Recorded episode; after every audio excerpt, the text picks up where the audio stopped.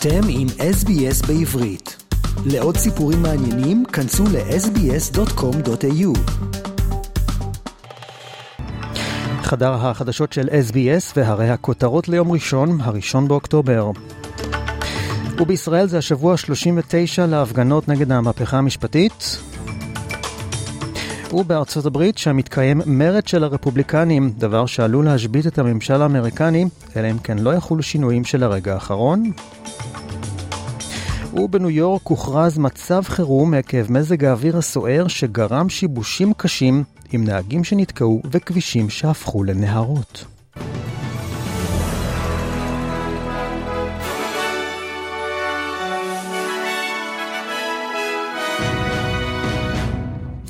ונתחיל עם ישראל, וזה השבוע ה-39 למחאות נגד המהפכה המשפטית. ביום שבת יצאו המתנגדים למהפכה המשפטית להפגין ברחבי הארץ. ההפגנה המרכזית גם השבוע התקיימה בנוכחות הרבבות בצומת קפלן בתל אביב. ברקע המהומות בעיר ביום כיפור. כזכור, ביום ראשון שעבר פרצו עימותים בכיכר דיזנגוף בערב יום הכיפורים בין מאות תושבי תל אביב למארגני תפילה מארגון ראש יהודי. מארגני התפילה ניסו לחצוץ בין גברים לנשים, בניגוד לפסיקת בית המשפט שדחה את ערעורם על החלטת עיריית תל אביב-יפו שלא לאפשר את התפילה בכיכר המרכזית בעיר בהפרדה מגדרית. ובחזרה להפגנות של יום ראשון, מפגינים חסמו את נתיבי איילון והקימו שם סוכות מחאה עד שפונו. שניים נעצרו. שקמה ברסלר, ממובילי המחאה נגד המהפכה, התייחסה בהפגנה ביום ראשון לאירועי יום כיפור בשבוע שעבר, כשאמרה שבשבוע האחרון הם ראו איך הקיצונים חוברים לראש ממשלת החורבן ומחללים את תפילת יום הכיפורים כדי לנסות ולפלג. הנה דבריה. בשבוע האחרון קיבלנו כולנו דוגמה נוספת.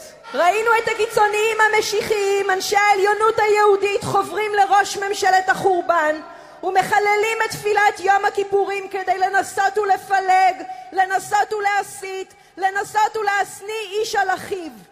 אבל הם נכשלו, הם תמיד ייכשלו, כי העם שקם מתוך השבר ששברה הממשלה לא ייתן לקנאים המשיחיים להביא שוב לחורבן הארץ. לא ייתן. דבריה של שקמה ברסלר.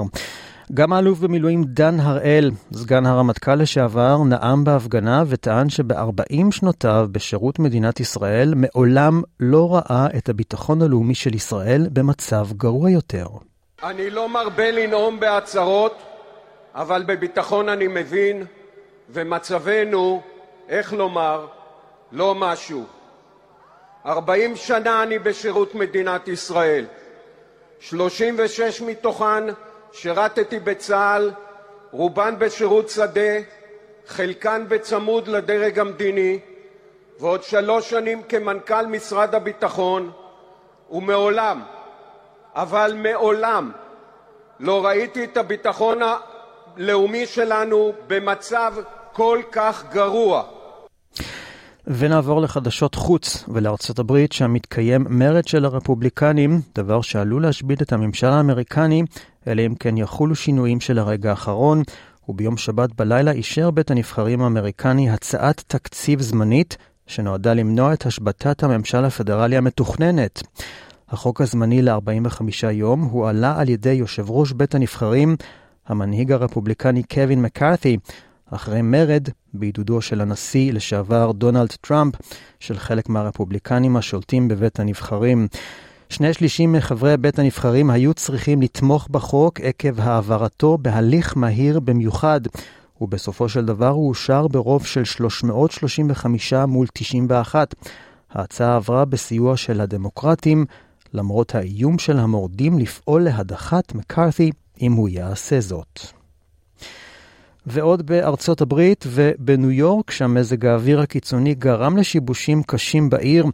גשם כבד ירד ביום שישי בעיר ניו יורק וסביבתה, וגרם להצפות קשות באזור, שהביאו גם לשיבושים בשירותי הרכבת התחתית ובנמל התעופה לגרדיה בעיר. מושלת ניו יורק, קטי הוקול, הכריזה על מצב חירום בעיר, וקראה לתושבים להישאר בבית אם הם יכולים. חלק מהרחובות בניו יורק הפכו לנהרות של ממש, והרשויות בעיר הזהירו משיטפונות בזק. לפי הרשויות בניו יורק, לא דווח על נפגעים כתוצאה מההצפות. שישה בתים שנמצאים בקומת מרתף הוצפו, אך אלה שמתגוררים בהם חולצו בהצלחה. עקבו אחרינו והפיצו אותנו דרך דף הפייסבוק שלנו.